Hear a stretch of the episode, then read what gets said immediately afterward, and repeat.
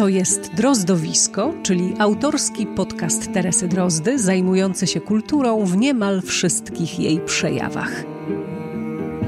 Drozdowisko to teatr, literatura, piosenka i film. To rozmowy z twórczymi ludźmi. To kulturalne podróże po Polsce i Czechach. To wspomnienia o ludziach kultury i dużo archiwaliów. Drozdowisko to po prostu ja, Teresa Drozda.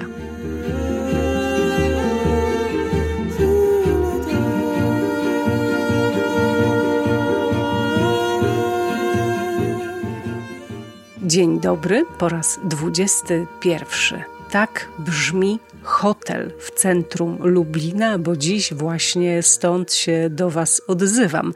W Lublinie od 30 czerwca do 4 lipca 2021 roku trwa festiwal Danuty Szaflarskiej Śleboda Danutka. Była o nim mowa w 14 odcinku Drozdowiska. Dzisiaj też słów kilka padnie. Zacznę jednak od obiecanej rozmowy z Romanem Hampacherem, którą zarejestrowałam na festiwalu Hradecki Slunowrat w Hradcu nad Morawicji. Kto ciekaw, co to za impreza, polecam 20 drozdowisko, w dużej części temu wydarzeniu poświęcone. Dziś w odcinku ogłoszę też, tadam, tadam, konkurs pierwszy drozdowiskowy konkurs, w którym będzie do wygrania kilka egzemplarzy książki Mariusza Surosza Praga czeskie ścieżki, wydanej przez wydawnictwo Czarne. Z Mariuszem Suroszem i tą książką pod pachą łaziliśmy po Pradze w osiemnastym odcinku. Jego wysłuchanie z kolei może się przydać e, przy okazji szukania odpowiedzi na konkursowe pytanie. No i już teraz zanotujcie sobie adres mailowy drozdowisko gmail.com, bo będzie potrzebny, żeby wysłać odpowiedź.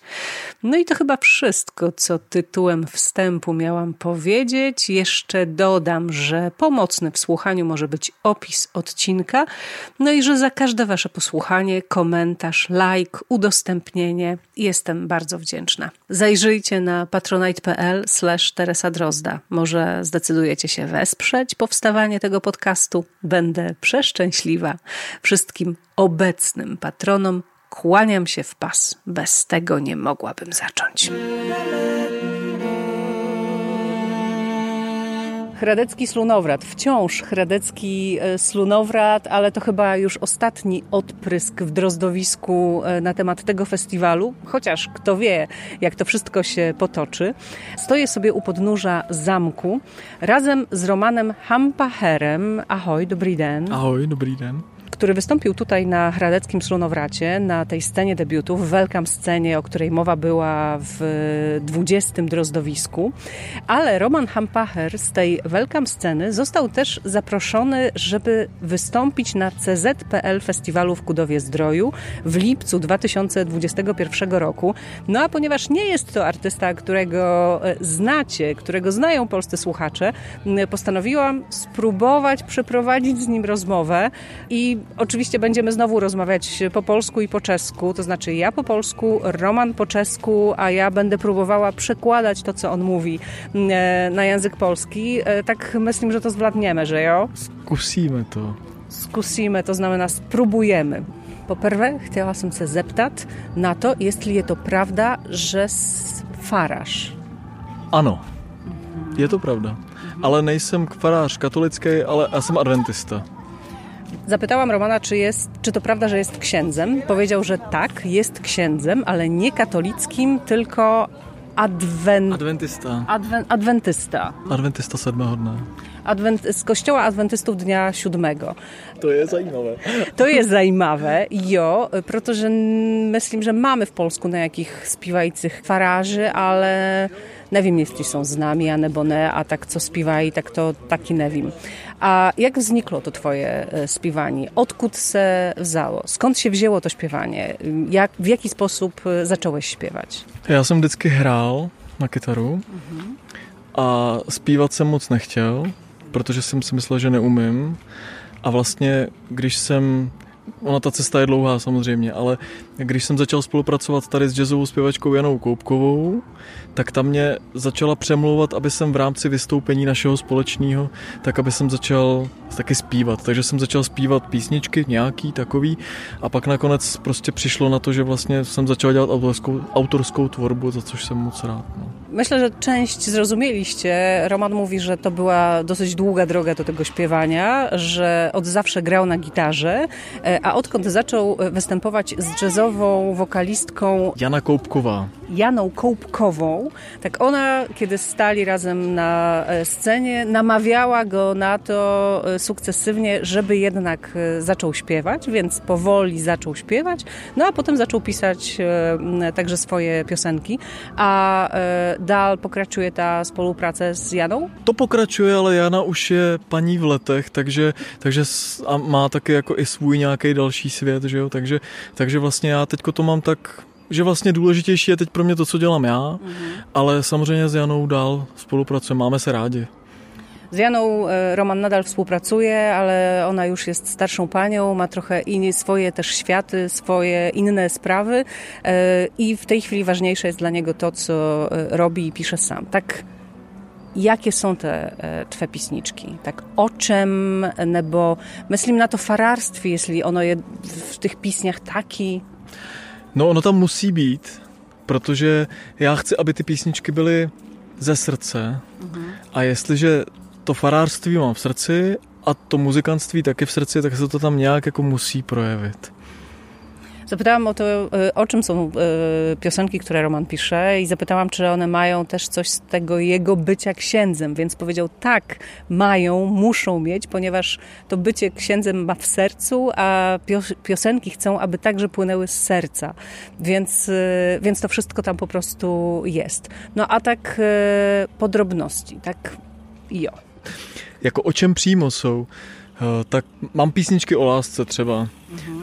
To znamená, jako, a tam, eh, řeknu to jinak, mám písničky o lásce a ta láska se dá interpretovat tak, jako že to je láska k ženský, anebo že to je vlastně láska i k něčemu, co nás přesahuje. Takže, takže vlastně já si potrpím na to, aby to nebylo, aby to nebylo moc prvoplánový, aby to nebylo moc takový jako... Aby ta láska nebyla taká první. Ne, ne, ne, ne. Aby, ty, aby to sdělení nebylo takový jako láska je láska, no tak uh-huh. co se o tom dá říct dál.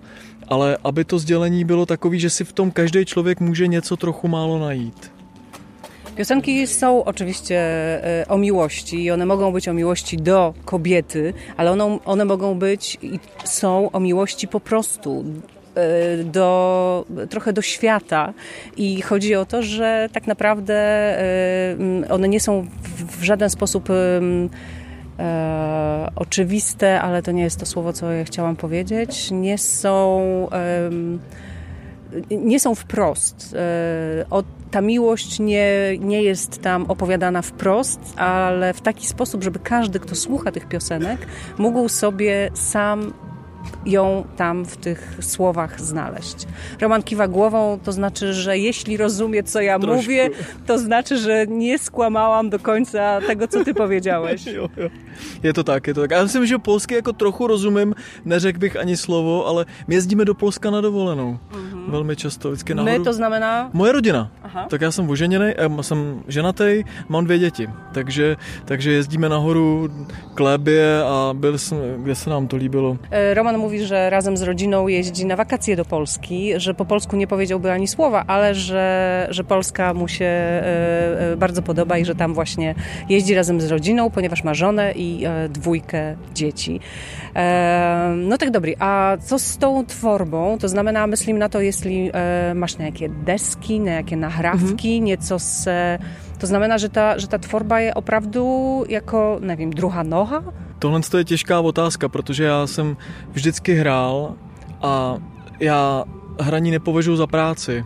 Mhm. Ale já... Reálně ani neuvaža za práce. Tak, ale já ani farářova, jako být knězem nepovažuji za práci, považuji to za způsob života, takže, takže u mě já nevím, jestli je to moje jako druhá noha, je to prostě, je to součást mě, takže, takže to prostě dělám. asi bych bez toho být nemohl. Asi bych dělal nějaký blbosti, kdybych ne, ne, ne, nehrál. Mówi Roman o tym, że e, i e, bycie księdzem jest, e, nie, nie, nie, uważa tego za pracę, tylko za powołanie i to samo o tym, w taki sam sposób myśli o, o swoim graniu, o pisaniu piosenek i że to nie jest tak, że stoi na dwóch nogach, jedna, na jednej nodze jest księdzem, na drugiej piosenkarzem, tylko po prostu to jest integralną częścią jego osobowości. Gdyby nie śpiewał, nie pisał tych piosenek i nie śpiewał, robiłby jakieś straszne głupoty. Přesně tak. Głupota, piękne słowo. Ano, głupota, ano. Výborně. A tak te deski. Ty desky. Uh, ja Jeśli jsem... znikły niejakie. Určitě. Pytam o to, czy wyszły jakieś płyty z jego twórczością. Uh, v roce 2018 jsem vydal takovou malou desku, čtyři písně jsou tam, jmenuje se to Baritony, potom jsem vydal single o rok později, uh, to se jmenuje Z nebepolí a tam je jenom jedna písnička a teď jsem vlastně jako vydal desku, která se jmenuje Bílá vrána v roce 2020, v prosinci to vyšlo a tam už těch písní je osm. Možná by bylo docela dobrý říct, že já si většinou texty nepíšu sám, mm-hmm. ale spolupracuju s jednou um, básnířkou, která se jmenuje Mirka Hedbávna a je to zpřízněná duše, takže, takže jako um, zpívám ty texty, protože s něma souzním. Nemohl bych je zpívat, kdyby to byly nějaký texty jenom, takže... Mm-hmm. Takže tři desky jsou a jsou možný je, je, je možný je stáhnout na, na platformě Bandcamp. Já to nevydávám jako fyzicky, protože to stojí peníze a dneska lidi stejně už ani, už ani v autě to není kam dát. A jako, kdo dneska používá CDčka? Jo. Já. OK, já ještě dodedávna, pak se mi to rozbilo a, a teď jako fakt já už to nemám ani kam dát. Roman mówi o tym, że tak, że oczywiście są e, płyty, tylko że to nie są płyty wydane fizycznie, tylko to są płyty e, opublikowane w formie po prostu nagrań w internecie, ale też rozumiem, że to jest, że one są wolne, że trzeba za to płacić, a nebo ne. Ty první dvě jsou volně, uh-huh. ta třetí je za pakatel, za malou, jako uh-huh. za malou částku, protože ono to studio něco stojí.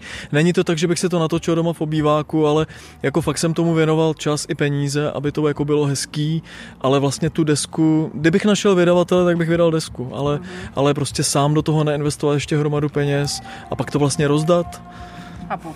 to prostě nedává smysl dneska.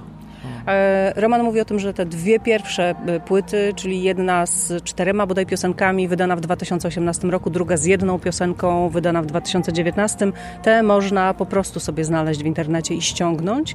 E, ta trzecia, wydana w 2020 roku, na której jest osiem piosenek, nazywa się Biała Wrona. Za tą już trzeba troszkę zapłacić, dlatego że mm, jednak studio kosztuje, że to nie są płyty nagrane w domu, w dużym pokoju, po prostu bez żadnych e, nakładów finansowych, tylko jednak e, trochę za to wszystko zapłacić trzeba było, a też ponieważ nie było żadnego dużego wydawcy, więc no, trzeba to było zrobić własnym sumptem. W związku z tym taki pomysł na to, żeby jednak to nie była fizyczna płyta, no bo kto dzisiaj używa fizycznych płyt? Powiedziałam, że ja, no ale nawet w samochodzie już dzisiaj nie ma odtwarzaczy, także no niestety to jest prawda, że od tych tych e, nośników się odchodzi, ale to nie znaczy, że te płyty się nie ukażą, bo gdyby pojawił się wydawca, to one się oczywiście mogą ukazać. Powiedział Roman też o tym, że nie śpiewa swoich tekstów, tylko współpracuje z poetką. Mirka Hedbawna, Strzebicie. Z Mirką Hedbawną, Strzebicy i że, e, no i że to są teksty, w których on się odnajduje, bo gdyby tak nie było, to by ich oczywiście nie śpiewał. No tak dobry, no tak e, widzimy się w Kudowie Zdroju, e, a e, už víš, jaký tam budeš mít program? Já nevím vlastně. Já se jako vždycky rozhoduju podle toho, kam jedu a vlastně co tam můžu očekávat, protože moje písničky jsou spíš jako klidnější a dumavý, takže když hraju na festivalu, tak musím vybírat písně, které jsou trošku víc jako do skoku, řekněme, ale vlastně, když jsem třeba teďko hrál v kavárně, tak jsem hrál hodně takový jako meditativní písně, což samozřejmě na punkovém festivalu by to nešlo prostě, takže, takže, takže budu, hrát, budu hrát písničky, které jsou natočený a protože, uh, protože to znamená ty, které se dají poslechnout normálně třeba na tom bandcampu a protože vlastně teďko díky koronaviru, tak jsem byl dost jako doma a mohl jsem, mohl jsem nebo respektive měl jsem hlavu jako jinak nastavenou, tak vlastně vzniklo 11 nových písniček, ty ještě nikde nejsou a ty taky hraju. Takže, takže jako vybírám svobodně podle atmosféry a počasí a úsměvu lidí. E, jeszcze nie wie e, Roman dokładnie, co zagra w Kudowie Zdroju e, i to mnie w ogóle nie dziwi, że tak właśnie jest, że mówi, że wybiera piosenki według tego, jak się czuje, jaka jest pogoda, jak się ludzie uśmiechają, że ma oczywiście piosenki trochę bardziej medytacyjne, trochę bardziej stonowane, liryczne, ale ma też takie, przy których można tupnąć nogą, no i być może takie również wybierze na swój występ w Kudowie Zdroju na CZPL Festiwalu. Jest też tak, że stara się grać te piosenki, które są dostępne, to znaczy, że już nagrane i dostępne w tym internecie, e, po to, żeby e, ktoś, kto posłucha koncertu i chciał sobie wrócić do tego, co usłyszał, miał taką możliwość, ale ponieważ e, w czasie koronawirusowym powstało 11 nowych piosenek, więc niewykluczone, że sięgnie też po te, które jeszcze nagrane i opublikowane nigdzie nie są. No tak cieszę się opravdu. Myslím, že se nám pově, povedl ten rozhovor, ja ten, ten to... polsko-český. Je to úplně, úplně v pohodě. Eh, jak se to říká? Dziękuję, bar... dziękuję bardzo? Dziękuję bardzo. Dzie dziękuję bardzo. Tak. Výborně, já se naučím pár polských slov do příště. To by bylo super, jak byste naučil pár polských slov. No já už jsem naučila několik českých, takže máme nějakou e, vyměnu. Ano, a to by to skvěle, takže výborně. Děkuji moc krát a, a rada jsem tě poslechla. poslechla jo, rada jsem tě poslechla a poznala taky, takže, jo, takže, takže opravdu se těším. Já taky, já takže taky. na viděnou.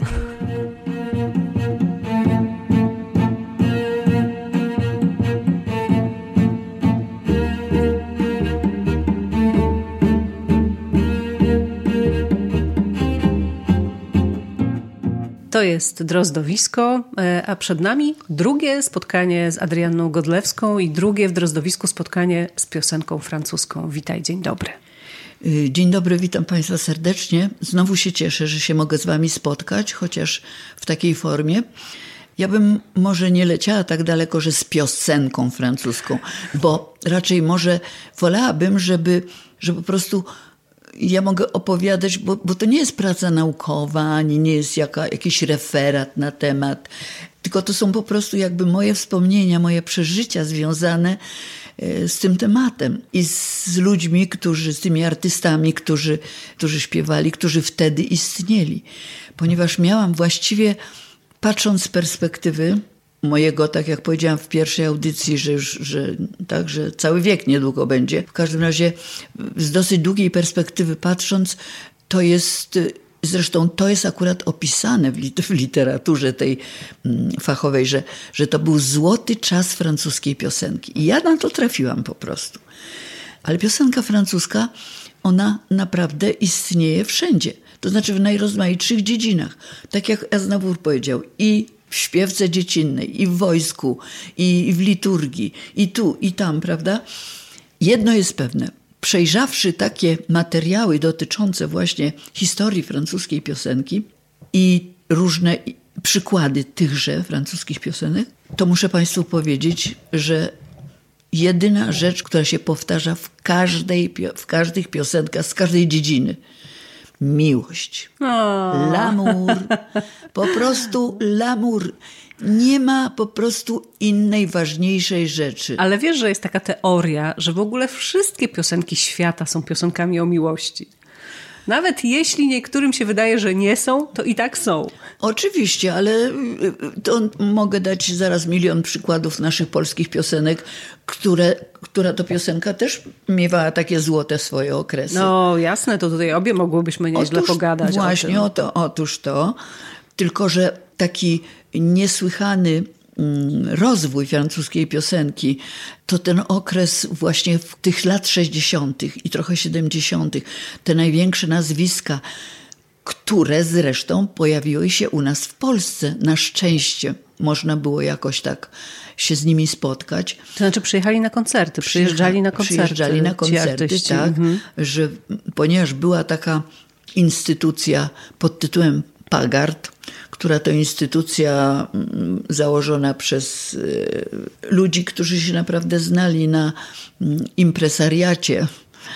Między innymi pan Władysław Jakubowski był dyrektorem i, i oni wiedzieli, że po prostu no, artystom ze świata trzeba zapłacić, ale jednocześnie, że będzie też i zarobek z tego, bo sala kongresowa, która miała 2700 miejsc, no to po prostu była wypełniana po brzegi, prawda? Ale na szczęście dla nas wszystkich to było możliwe, ponieważ, ponieważ w tamtym czasie, kiedy sobie mogę przypomnieć, a pierwszym takim nadzwyczajnym po prostu koncertem był koncert z Yves Montand, jego recital w sali kongresowej. I to było e, dla mnie niezwykłe przeżycie. Ja jeszcze byłam wtedy w szkole teatralnej i razem z Bogusiem Łazuką, żeśmy siedzieli na jakiejś jaskółce nas w sali kongresowej, zdobyliśmy jakieś wejściówki i po prostu ja siedziałam i byłam nieprzytomna z zachwytu, kiedy za taką tiulową koptarą była mm, orkiestra. Po prostu wszystko było dla nas nowe. Wszystko mhm. było. Faktem jest, że sala kongresowa była i mam nadzieję, że jeszcze będzie. Była cudowną salą do występów. No, miała świetną akustykę. Akustykę przede wszystkim. Ta, ale tak, była genialna ekipa techniczna, która wszystkiego pilnowała, to jest po pierwsze. Po drugie, e, muszę powiedzieć to już z własnego doświadczenia, kiedy udało mi się e, kilka razy wystąpić na tej scenie. Ta gigantyczna scena w sali kongresowej dla artystów była jakimś cudownie przytulnym miejscem. I tak, i wielu moich Ciekawe. kolegów to samo mhm. mówi o tak, że jak się wchodziło na scenę w sali kongresowej, chociaż trzeba było przejść kawał drogi do środka, to już bycie tam to miało, e, takie mieliśmy poczucie, że jesteśmy w domu, no, ale w takim, nie w jakimś straszliwej, e, gigantycznej przestrzeni, po prostu w takim przyjaznym miejscu. Super. No, ale też faktem jest, że w tej sali kongresowej paru naszych artystów, prawda, przeleciało przez tą scenę i, i, i zostawiło swoją energię, swoje fluidy, e, swoje talenty, swój wspaniały czas i właśnie wracając jeszcze do Yves Montand, no właśnie i on z sufitu zjechała na, na linach taka huśtaweczka. I za chwilę wyszedł Yves Montand w, w czarnych spodniach, w czarnej koszuli. To było wszystko dla nas niesamowicie jakieś egzotyczne w sumie, dlatego że przecież niczego nie ujmując naszym cudownym artystom, przecież w Syrenie mieliśmy fantastycznych artystów, solistów takich, że daj Panie Boże zdrowie. I, i, i ale takich, takiej formy mm -hmm. nie było. I jeszcze w tak dużej sali, formy recitalu właściwie u nas nie, nie, nie, nie, nie uprawiało się. No i wtedy ten e, e, e, orkiestra zaczęła grać i on podszedł do tej huśtaweczki, nie usiadł na niej, tylko ją po prostu tak poruszył, bujał i śpiewał Une demoiselle au balançoire, czyli panieneczka na huśtawce. No i cała historia oczywiście jaka jest śliczna i te nóżki i ta spódniczka i to wszystko. I cały czas ta huśtawka lata. Potem oczywiście zaśpiewał wszystkie swoje te cudowne e, Sous le ciel de Paris, czy tam Grand Boulevard słynne to był ten pierwszy, y, pierwsze spotkanie takie, że w Polsce właśnie ci artyści mhm. byli. Właściwie można powiedzieć, że wielkie nazwiska przeleciały przez salę kongresową. Przecież była Patachou, przecież była Jacqueline François, przecież była um, Josephine Becker, która przecież całym, po całym świecie jeździła, była naprawdę fantastyczną artystką. E, kto jeszcze z tych, oczywiście Philip Clay. Philip Clay zresztą przyszedł do nas do szkoły teatralnej i umieścił swój autograf na ścianie naszej sali estradowej. I tak nawet sobie myślałam, żeby zajrzeć tam, czy to jeszcze jeszcze jest ten napis, bo potem jak przyjeżdżali jacyś tacy wielcy artyści, to też się wpisywali na tej, na tej ścianie. Tak, ja tam widziałam chyba Kerka Douglasa, podpis na tej no ścianie no tak, w sali właśnie, estradowej, tak, tak. w Akademii Teatralnej, tak. Bo to, to były takie, taka, taka przyjemność. Oczywiście Jacques Brel, oczywiście była przecież była Marlena Dietrich. Przecież też była, prawda? Notabene e, zaczynał koncert z Marleny Dietrich, zaczynał koncert Y, Czesiu Niemen. Jako tak. support tak, występował tak, tak, przez Marleną tak, Myśmy byli właśnie na tym koncercie, tak. No i, i, i to wielkie przeżycia. No ale y, wracając do początków, to po prostu moje pierwsze, pierwsze spotkanie, y, takie już dotknięcie w tym miejscu, w którym to wszystko istniało, prawda? To było gdy przyjechałam, właściwie to był drugi raz, już pierwszy raz to z tą wycieczką, ale to było bardzo krótko, jednak wracałam potem z powrotem. Aczkolwiek też wówczas przeżyłam coś nadzwyczajnego, ponieważ wtedy zobacz, byłam na którymś seansie popremierowym La Dolce Vita. No więc zobaczyć w Paryżu La Dolce Vita, potem siedzieć na ławce z, z bagietką w ręce. Po prostu to było dopiero La Dolce Vita. Wtedy była La Dolce Vita, no. No, chyba trochę rozumiem. La Dolce Vita, tak. To, to, to wspaniałe, wspaniałe przeżycia. No ale cóż, ja koniecznie chciałam coś z dziedziny, no, która mnie interesowała, prawda? To znaczy teatr muzyczny, czy cokolwiek muzycznego i tak dalej. No i co? Było to Casino de Paris. I Casino de Paris to, to był po prostu. Ja jeszcze w ogóle nie wiedziałam o co to chodzi, co to jest, prawda? No, że to jest teatr. Dla mnie teatr to był teatr.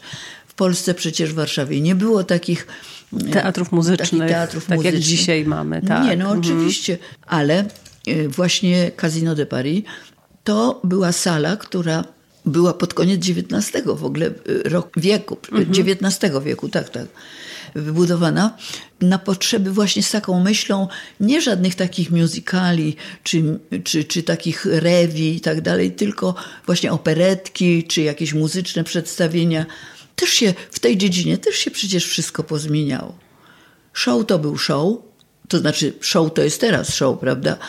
To bo się tak nazywa, ale e, też były takie variete, wtedy się mówiło, prawda? No ale tu chodziło o takie duże przedstawienie.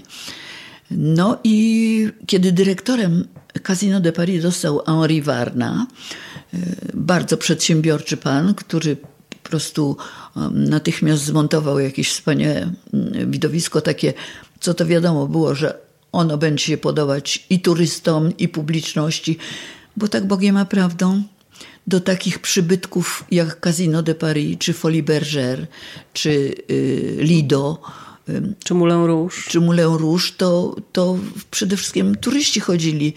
No dobrze, ale ja przyjechałam, ja nieprzytomna, po prostu młoda, oszalała franko wielbicielka. Fol, franko... Franko, folka, filka, folka. No, frankofilka, tak chyba. Filka na pewno, więc, więc po prostu tak. Więc, e, więc i oczywiście też oczywiście, ponieważ e, wejście do takich przybytków było związane z bardzo drogimi biletami. Ale a, a, skąd ja miałam mieć te bilety, te, te pieniądze? To nie, no to po prostu było, ponieważ już miałam tam różnych znajomych, przyjaciół, którzy, którzy mi powiedzieli, jak to trzeba, więc jakąś wystałam taką wejścióweczkę i po prostu ta wejścióweczka mnie upoważniała do usiądnięcia na takich bocznych schodkach. No to było wszystko jedno. Ja mogłam wisieć, nie wiem, to nie miało do, żadnego znaczenia. Doskonale to rozumiem. I teraz, proszę Państwa, jak się otworzyła kurtyna. I oczywiście najpierw była wspaniała uwertura, jakby zapowiadająca to, co się będzie, te rytmy, które się będą działy i tak dalej.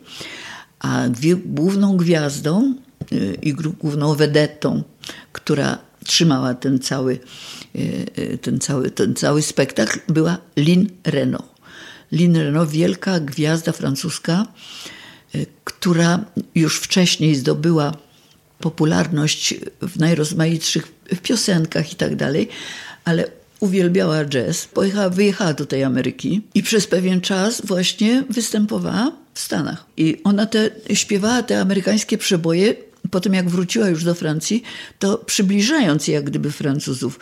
A potem spotkała takiego y, kompozytora Lulu Gasté. No oczywiście jesteśmy we Francji, mamy do czynienia z Francuzami. Co może być na koniec? Albo na początek? No, l'amour. Oczywiście.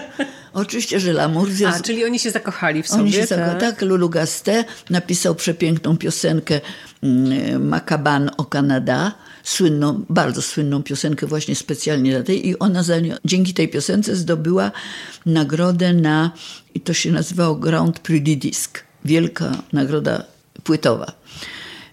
I rzeczywiście y, zawsze na każdej płycie, na każdym koncercie ona to, to śpiewała. To była taka właściwie wzruszająca piosenka. Moja chatka w Kanadzie, taka w śniegu i tak dalej. No, taka wzruszająca, ale bardzo była ładna muzyka i tak dalej. No i ja patrzyłam na tą Lin Reno, która mi się pokazała oczywiście. Najpierw tak ot, otworzyła się kurtyna po tej uwerturze. No po dwóch stronach, przez środek czerwone schody. No po prostu marzenie. Od razu ja już chciałam tam być. Po dwóch stronach rząd wspaniałych tancerek półgołych oczywiście. Pawy pióra. Tak, i Lin, która się pokazała, prawda, I, i, i, i cały ten koncert, niezwykły zupełnie koncert, trwał prawie cztery godziny. Rany. To nie jest tak, że to, Mhm. że to... Ale to ona przez te cztery godziny? Nie, nie tylko ona. Nie, no oczywiście, że nie tylko ona. Mhm. Ona wchodziła... e, Co, co któryś numer, tak, Tak, tak, tak, rozumiem. ale to było takie typowe varieté, bo to, jak to w Polsce mówiło się potem składanka tak zwana, prawda? Bo było pokazane no i przede wszystkim te niezwykłe tańce przez ten zespół baletowy z tych dziewczyn złożony, prawda? Ale byli, oczywiście byli y, rosyjscy y, y, akrobaci, tak, zawsze się w, w takich zespołach rewiowych paryskich zawsze się znajdowali Słowianie. Zawsze, zawsze znalazłaś Polkę, zawsze się znalazł jakiś Rosjanin. Oni byli po prostu świetni.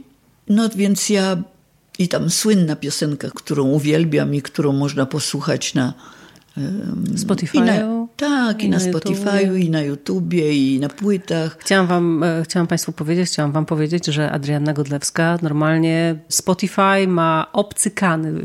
E, Świeci się nam tutaj komputer e, i, i na tym komputerze po prostu normalnie playlista z ukochanymi francuskimi piosenkami. Adrianna takie rzeczy umie. No, musiałam się nauczyć, nauczyła mnie tego moja wnuczka, po prostu, bo one mają to do siebie, że po prostu. Ale babciu, to przecież nie ma problemu. No, tu nacisnąć trzeba, tu trzeba tak, tu trzeba tak. Ja, ja w ogóle nie wiem o co chodzi, ale wychodzi. Ale naciskasz i wychodzi. Naciskam i wychodzi. Właśnie. Więc, więc ta piosenka, to jeszcze raz powtórzmy jej tytuł. Piosenka jest Casino de Paris. Po prostu. I to jest taka wiodąca piosenka, która mówi o tym, że e, każdy, kto przyjeżdża do Paryża, musi zajść do Casino de Paris i, i że, że czy to będzie z Anglii, czy to będzie z jakiegokolwiek kraju, to będzie ze szczęśliwy i za, zachwycony, jeżeli się znajdzie tutaj i że będzie na przykład po przyjściu do domu będzie, e, jeżeli będzie tutaj u nas, to będzie bardzo miły dla swojej ukochanej czy dla swojej żony, bo zobaczył tak piękne dziewczyny, że po prostu przez, przez to przeżycie będzie jeszcze, jeszcze milszy dla swojej Jeszcze, ukochanej. jeszcze szczęśliwszy. To jest nie, piosenka, która ma nieprawdopodobną energię. Ma energię nie z E, tej ziemi, tak, tak, tak. w tak, sobie, więc e, koniecznie jej wysłuchajcie e, po wysłuchaniu naszej audycji. W wykonaniu Lin Reno, Casino de Paris, naprawdę to jest po prostu do zwariowania, naprawdę. Ja oczywiście całą na pamięć, bo mam nuty,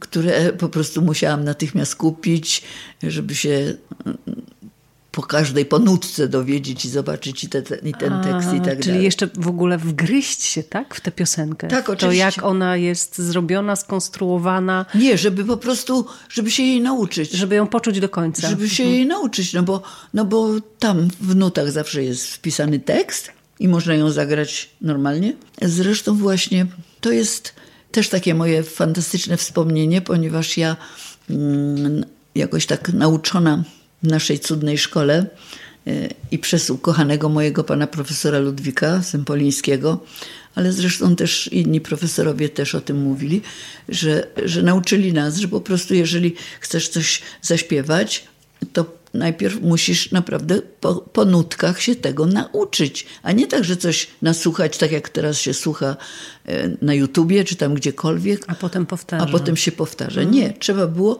nuta po nucie. W związku z tym, ja chcąc się zapoznać z tymi piosenkami, zna, znalazłam sklep muzyczny, w którym były nuty. Był jeden sklep muzyczny, był koło y, przepięknego parku Monceau. Tam był taki duży sklep muzyczny, to ja sobie tam szłam i sobie wybierałam różne nutki. Drugi był na Rue de Rome, czyli w pobliżu Gare Saint-Lazare też y, y, taki doskonałe. Ja zresztą tam z tamtego sklepu jeszcze mam album Brela i jeszcze parę innych nut, a drugi, jeszcze jeden koło Pigalu był, znaczy był jeszcze sklep taki w pobliżu Pigal, e, a właściwie w pobliżu Place Kliszy. I, I ja właśnie ostatnim razem, jak byłam w Paryżu, chociaż to już chwila minęła, ja chciałam, z, chciałam no, znowu wejść tam i po prostu przez sentyment wejść i kupić nuty. Nie ma już tego sklepu. A to bardzo dziwne, bo naprawdę w różnych miejscach będąc, patrzę, że są te same sklepy, te same wystawy i tak dalej. Znaczy się, że to istnieje. No ale jest dużo, dużo rzeczy, których nie ma po prostu. Adrianna Godlewska, tu stawiamy kropkę, ale to nie jest nasze ostatnie słowo i z tymi francusko-parysko-piosenkowymi wspomnieniami Adrianny Godlewskiej w Drozdowisku wrócimy. Dziękuję Ci bardzo i do usłyszenia. Dziękuję bardzo i też do usłyszenia.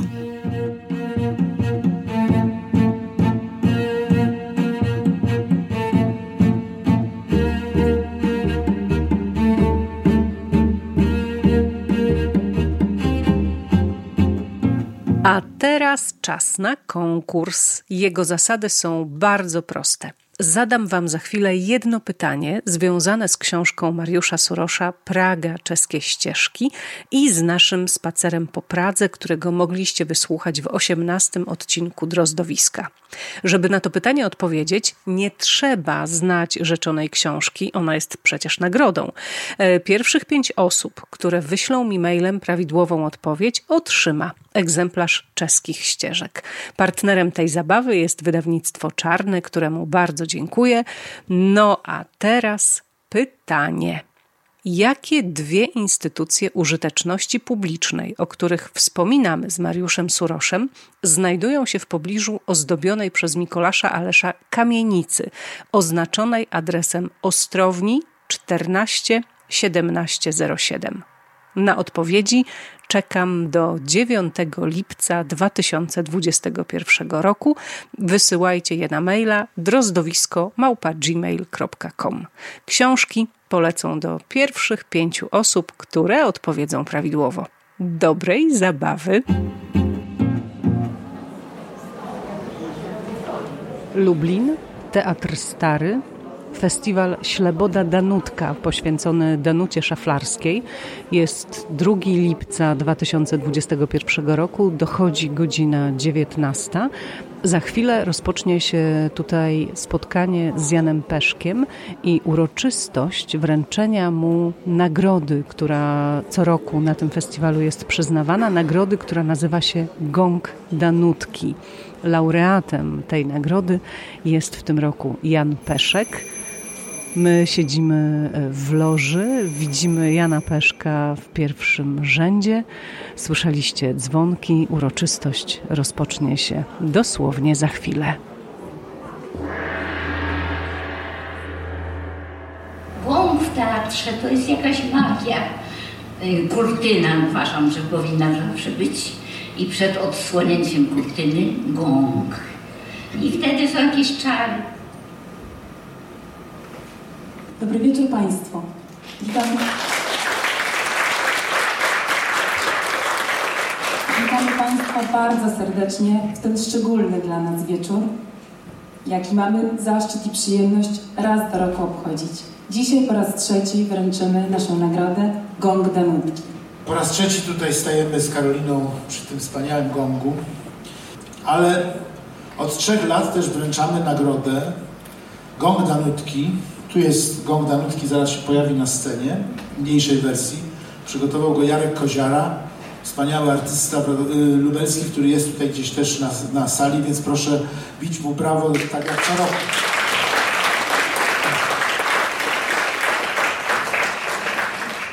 Gong Danutki przyznaje kapituła, y, która była też takim zaczynem organizacyjnym tego festiwalu. Tę nagrodę otrzymują aktorki, aktorzy, którzy, które mają dwie cechy, które były czymś niezwykle ważnym i istotnym, jeśli chodzi o mm, całą pracę, którą pani Danuta Szaflarska przez całe życie wnosiła, a więc była gwiazdą bez gwiazdorzenia. Była wielką artystką, ale była też osobą, która była uważna w teatrze. Pierwsza uczyła się tekstu. Patrzyła na swoich współpracowników, na aktorki, na aktorów, ale także na osoby, których nie widzimy, na osoby, które są na zapleczu, które są za sceną. I ten rodzaj rzemiosła artystycznego jest czymś, co wszyscy laureaci tego zaszczytnego wyróżnienia otrzymują i mają. Laureatem tegorocznej nagrody Gong Danutki jest Pan Jan Peszek.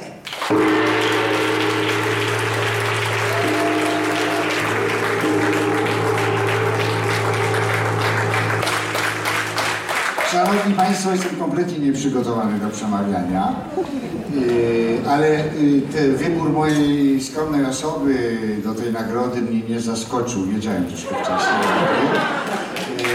Yy, Niemniej naprawdę nie układałem jakichś elaboratów w głowie. Chcę powiedzieć tylko, że ta nagroda jest jakaś dla mnie szczególna.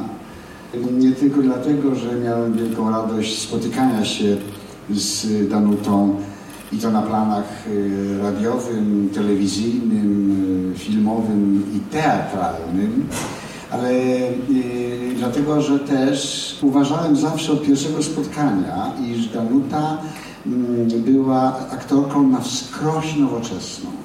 Mimo tradycyjnego, niekonwencjonalnego, tradycyjnego przygotowania oraz oczekiwań od partnerów teatru i całego anturażu, który tworzy sztukę teatralną, y, y, mimo tego była bezwzględnie nowoczesna i to się odczuwało na każdym kroku, więc ty, tym bardziej ta nagroda jest mi bliska, jak również y, przez fakt, że Jarek, z którym przez parę lat podróżowaliśmy pracując e, razem, jest autorem e, e, Gongu który zastąpi od tego czasu domowy gong chiński prawdziwy. E, piękny, stary. Jeszcze sprawdzę twój dźwięk, który mu fundowałeś, Jarku. I on będzie nas wzywał na bardzo rzadkie i uroczyste, rodzinne e, spotkania i posiłki. Przede wszystkim też dziękuję Państwu za obecność e, temu miejscu, które jest absolutnie czarowne i sprzyjające aktorom i sztuce. Do zobaczenia. Dziękuję. Dziękujemy.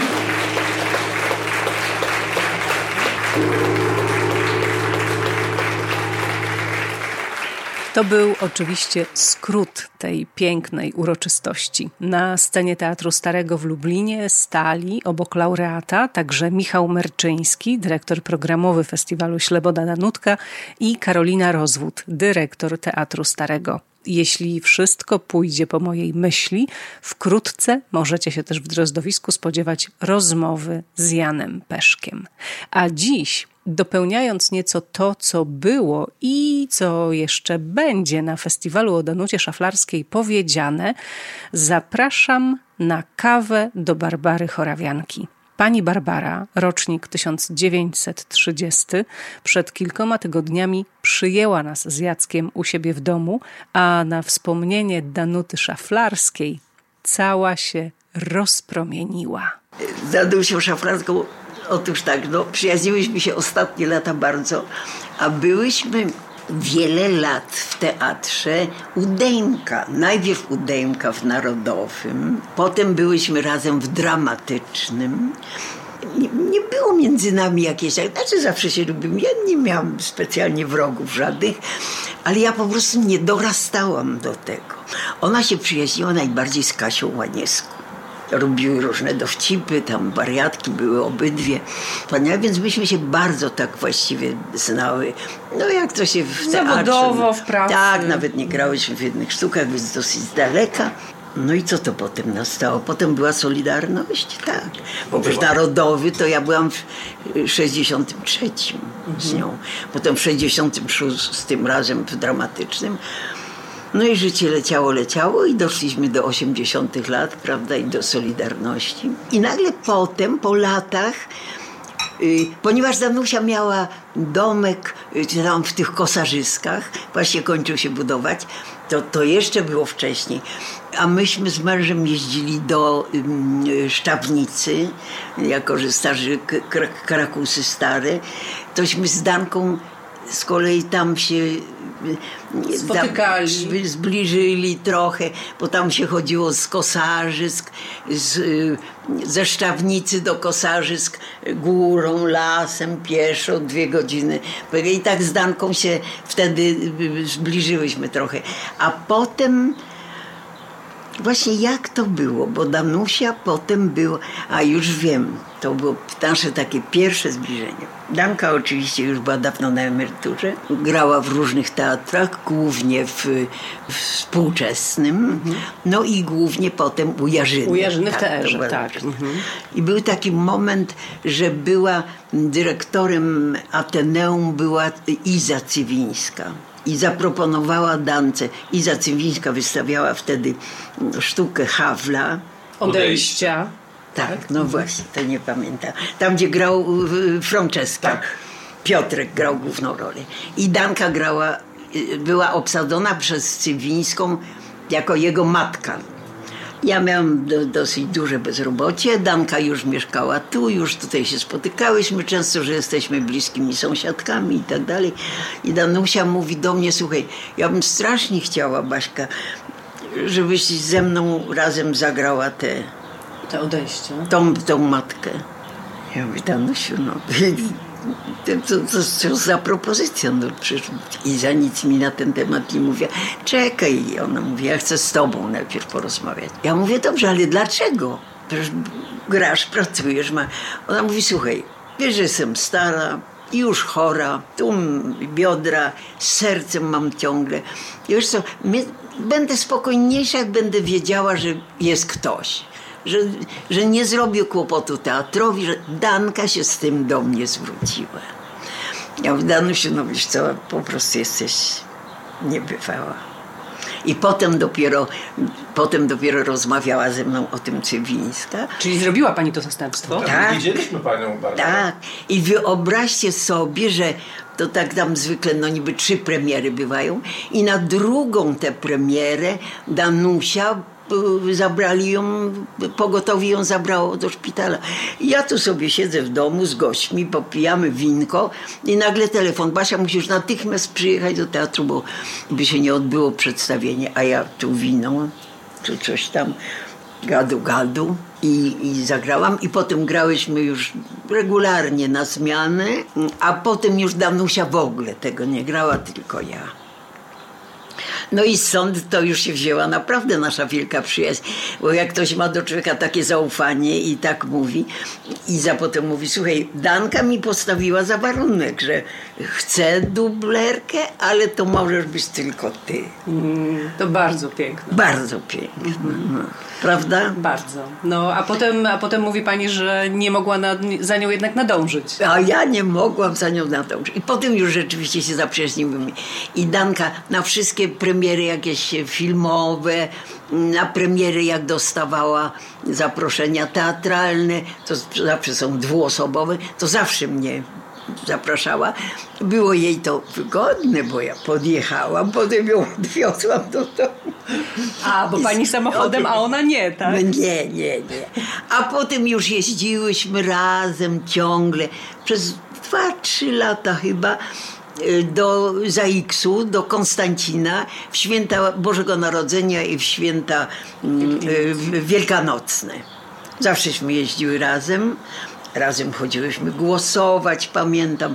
Iza potem mówiła, ty, ta twoja Danusia to idzie z tobą głosować, czy idziesz sama? Ja mówię, nie, idzie ze mną. Takżeśmy tutaj tak, no bo Iza też tu mieszka bliziutko na, na placu zamkowym. I, I, muszę Państwu powiedzieć, to muszę się może nawet i pochwalić trochę. Siedziałam ci ja wtedy rzeczywiście. Tanka Boże to zrobiła świadomie. Zrobiła coś cudownego. I wyobraźcie sobie, że od tego czasu Iza e, Cywińska mówi, no fajnie, fajnie, bardzo wszystko jej się podobało.